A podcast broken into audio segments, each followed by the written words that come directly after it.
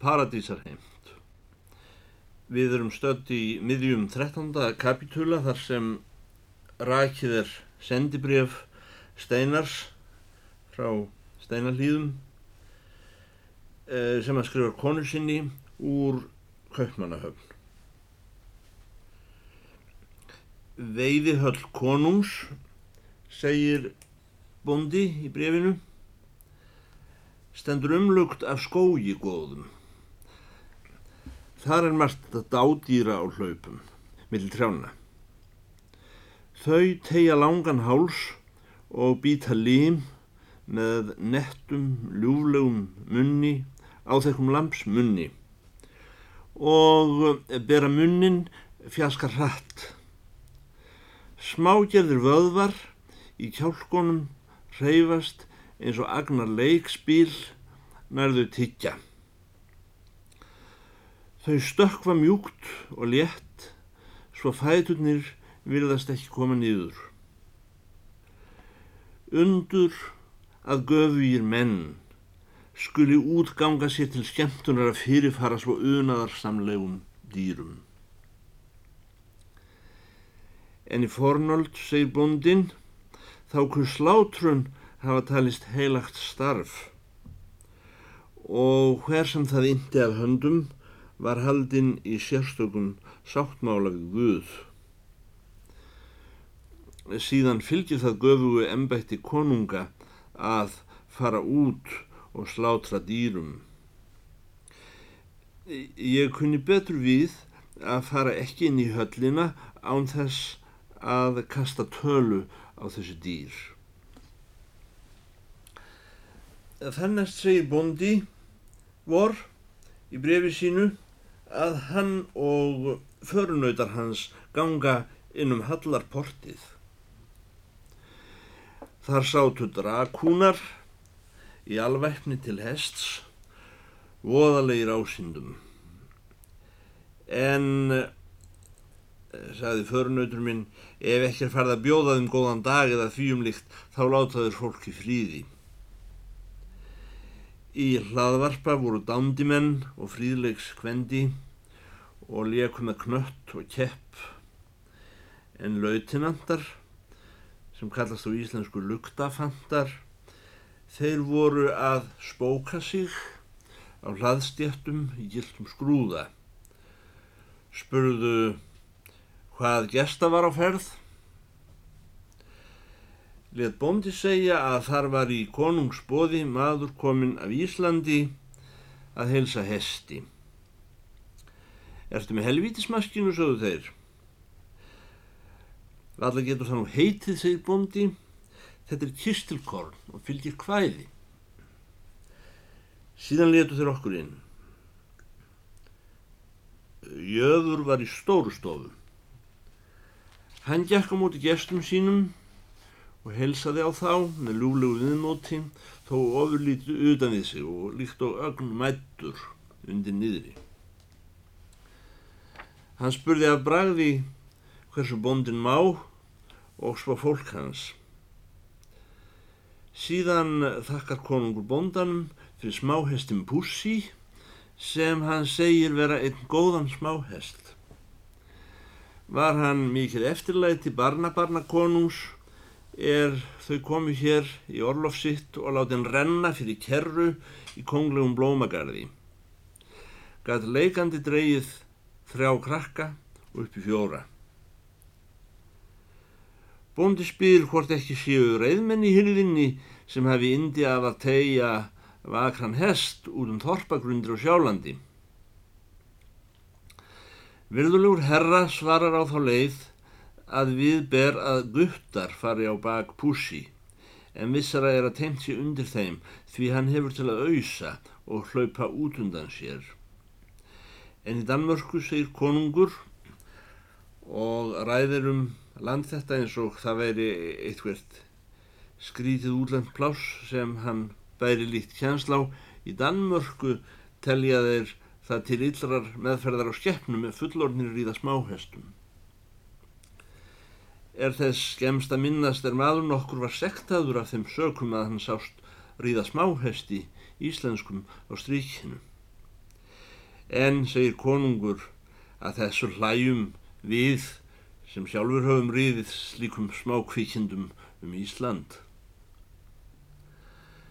Nú er þeir konungur og gestur hans hafa skipst á orðum um hestin, þá upphefst bondi og segir að hann hefur gjöf að færa konungin. Hirslu er hann hefur sjálfur smíðað að láta í gull, gimsteina og lendardóma. E, síðan setur hann kistilinn fyrir konungin og líkur í einni svipan upp flókinn læsingu sem þar er fyrir. Konungur þakkar gjöfina og lofar mjög hugvit bónda en heldur vafðis nú fyrir blessuðum þegar hann ætlaði sjálfur upp að lúka, skrifar bóndi. Þetta vel ég að sína Valdimar, segir konungur. Síðan kallar hann á Valdimar prins, svonsinn, og segir honum að helsa á bónda þennan, sem prinsinn gerir ljúlega, og fór að tala um smáhaustin Pussi og sagði að hann veri síl spyrkaður en nokkuð staður sem týttur um Íslendinga sé ekki rétt farið að þeim. Valdimar prins reynir sig nú við kistilinn en hefur ekki mikið lag. Hann sagði eftir nokkru stund að þessu mætti sá sem hann ákvað upplúka í sinn stað og væri rétt að láta rúsakeisara eiga við svona appirat. Nú fer hann út á palla og kallar á gesti konungs. Fólk það sem áðan var að leika sér á flötinni segir að hér sé komin einn af Íslandi með, með þraut óúrlega sem jafnvel meira mannvitt þurfi til að leysa heldur en spila krikki. Það veldur mikill kátínu fyrir utan að heyra nafn Íslands drýfur nú bráðlega inn í stóru stofu margt fólk voru þar öngvir sérdeilis lúsakallar og ekki heldur hreppakellingar eða sísluþrótt. Segir bóndin svo í brefi sínu að hann hefði talið að spaugað væri óþarflega með hlýða kall ef einhver annar en Kristján Bóndi Vilhelmsson sem er áðvandur maður hefði nefnt honum nöfn aðkomi manna. Nú er svo málmi vexti að einmitt þessa daga voru börn Kristjáns konungs og tengdabörn í kynnisför heima hjá sér að lifta sér upp. Þessi börn eru orðin kongar og drottningar út um allan heim en sum eiga það í vonum. Nefni ég fyrstan þann sem ræður gríkjum því hann gekk til mín og rétti mér höndina einn yfirtak kurteis og velviljúur maður, segir bóndin, sköllóttur með síðvaksna kampa. Um, því næst kom prinsinn til Vallia, eður Vels, sem er giftur Aleksandru Kristjánsdóttur og er sá maður fyrirhugaður að ráða breytaveldi og gera sem leið keisari til Indíja. Hann stjórnar ríkinu oft þegar móður hans frú Viktoria er í burtu að skemta sér. Ekki nefndi hann að helsa mér sem ekki var von. Hann gekk að kislinum, fyrstur manna í hóknum og fór að skoða þetta, þó með drúld.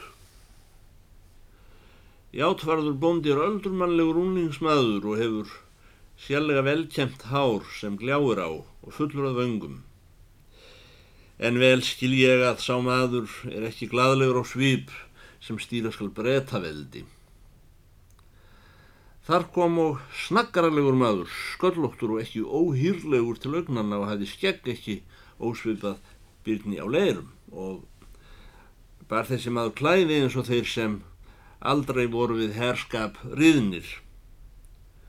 Myndi þó margur higgja að óreindu að sá væri meir gull snúraður en flestir menn og uh, skrítur vastígvélum og sverði á nótt sem degi því að hér var engin annar komin en Alexander hinn þriði, rúsa keisari. Hann var sá einn maður í þessum selskap sem veik að steina hlýðabónda nokkrum orðum og útlagði minn förunautur mál hans er við vorum gengnir burt. Hvaðs keisari hafa síðan marga villimenn í rúsaveldi og víðar að. Þar á meðal Tíbet mann en Íslanding aldrei fyrir nú. Var það hans skoðun að öngvir villimenn litu eins út nefn að vera skildu Íslandingar og Tíbetbúar. Taldi það stafa af því að þeir læju einna lengst út af burt allra mann á jarðríki. Aðrir umkringdir meira þurrlendi en hófur á, aðrir meira vatni. Voru þó íslenskir snögtum fágætari en tíbetmenn. Já, svo rarir að hann, rúsakeisari, ætlaði að gera kross í uh, almanækið hjá sér í dag. Og þá er rúsakeisari sér að breyta konungur tilvonandi er farin að hokra yfir kislinum. Segir hann við bonda að um, höll sem akkurat svona erfitt sé að komast í þurfi hann að fá reista utanum sinn keisaradóm út í Moskóvíin svo ekki megi breyta konungur upp lúka. Mér virtist rúsakeisar allra þægilegasti maður. Nú líða þar innar margar frægar lafðir, drottningar og keisarinnjur. Vildu allir augum leiða skrítna villi þjóð af Íslandi. Hefði manni einhvern tíma þótt sumum þeirra vel í skinn komið ef verið hefði undir steinallíðum Þó fannst mér af öllum bera svo kona sem er í Gríkjum, stórfurstinja Olga Konstantínóna, ef ég kann að nefna hana, hún gaf mér minnispenning.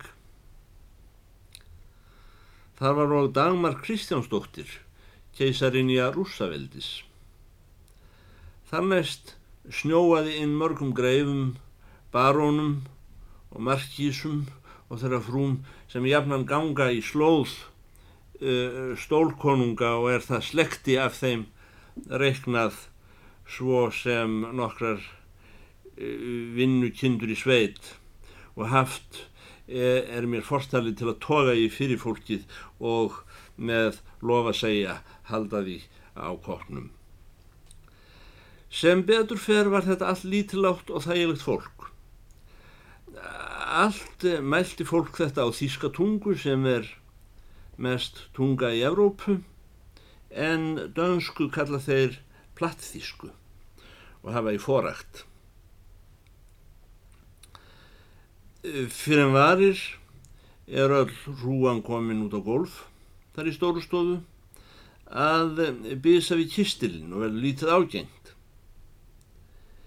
en ergjast sumir. Verður breytakonungur fyrstur til að setja fótinni í vond krjádel af Íslandi og segir að það er vist einn helvítismarkina. Aðri segja að ekki var vonum setna að Íslandingar setja góða menn í boppa. Og þegar bóndi tekur upp hjá sér hvæði til að lúka upp kistli, þá líta þeir á og segja að ekki batna nú.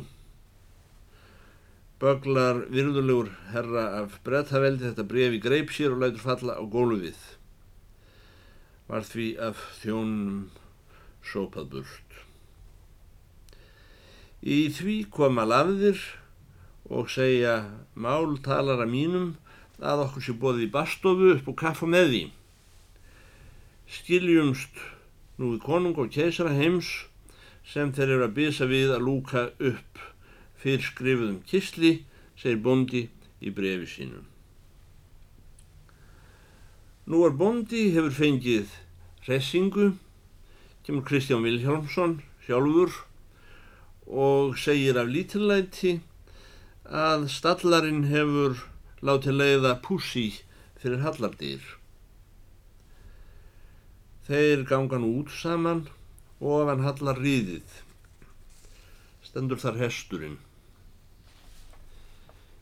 Keirisveitn, rauðklættur, heldur um tauminn upp við flipan á honum.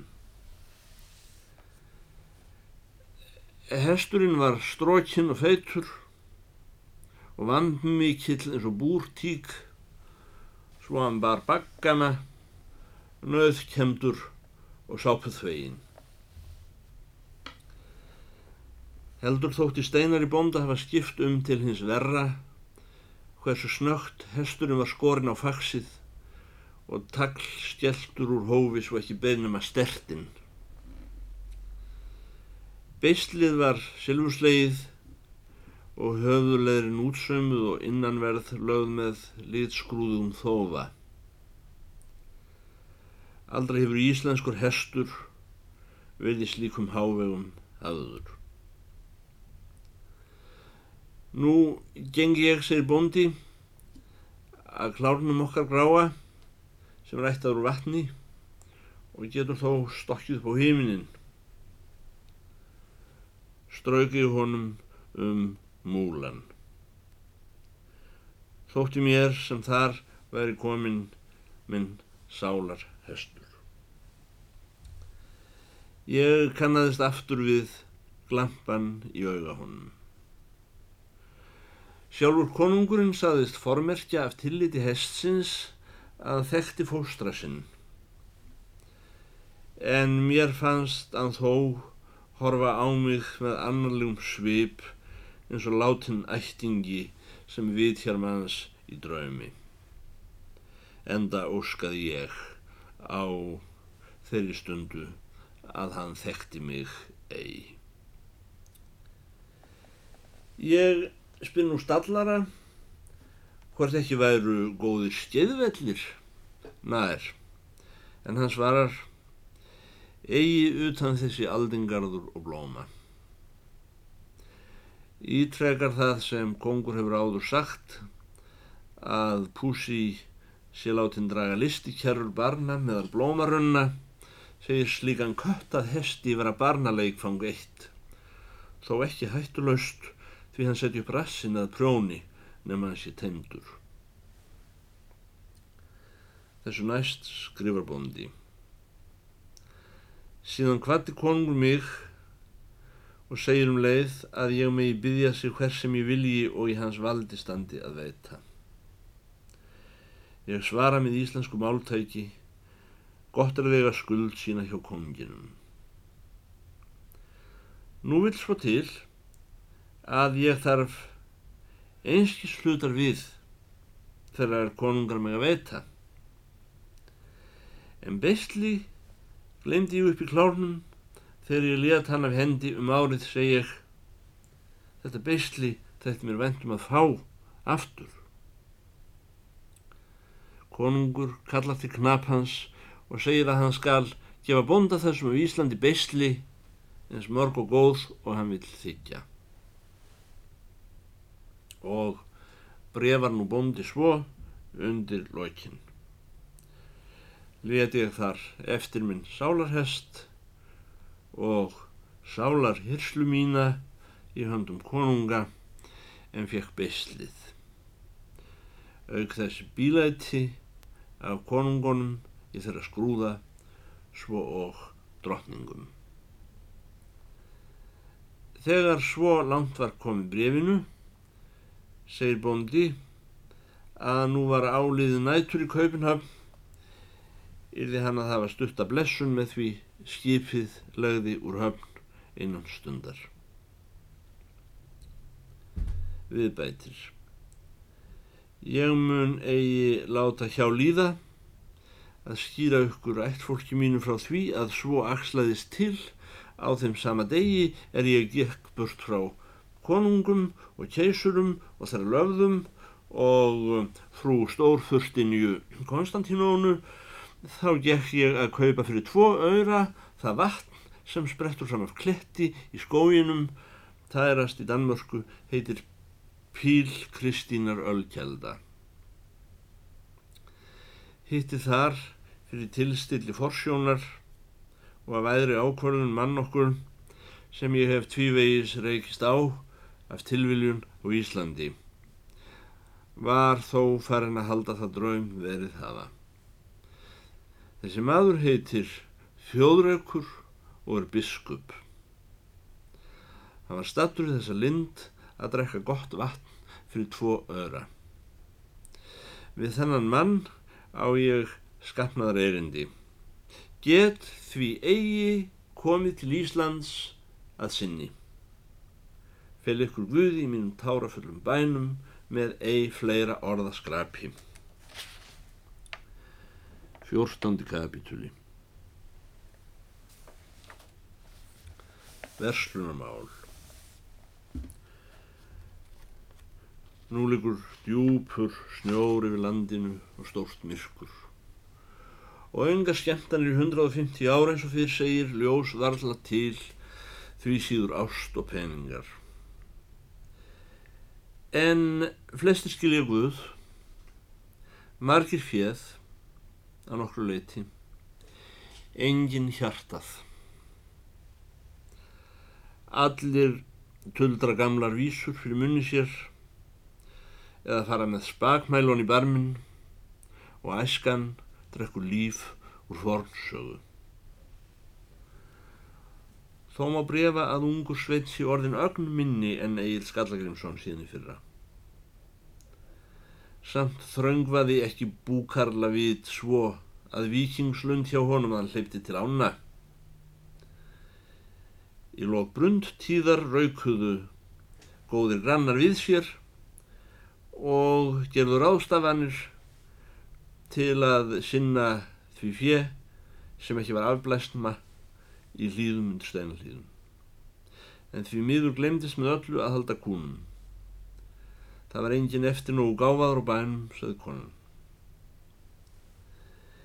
Í þorrakomuna meðan mest allt myrkrið grúfur enni við landinu og heimunir tindur undir snjó Þá ber svo til einhverju sinni að lofleg hundgáverður til þess að vekja hjartabergmál í líðum. Nú er tími síðan snati hefur haft mikið við og farið upp á þeikjuna, saði heimafólk. Og þetta er sannlega ekki neitt hrafnagjelt. Það var sem sé sylfur hljómur í gjeltinu. Bráðulega var úlpumadur kominn í dyrnar.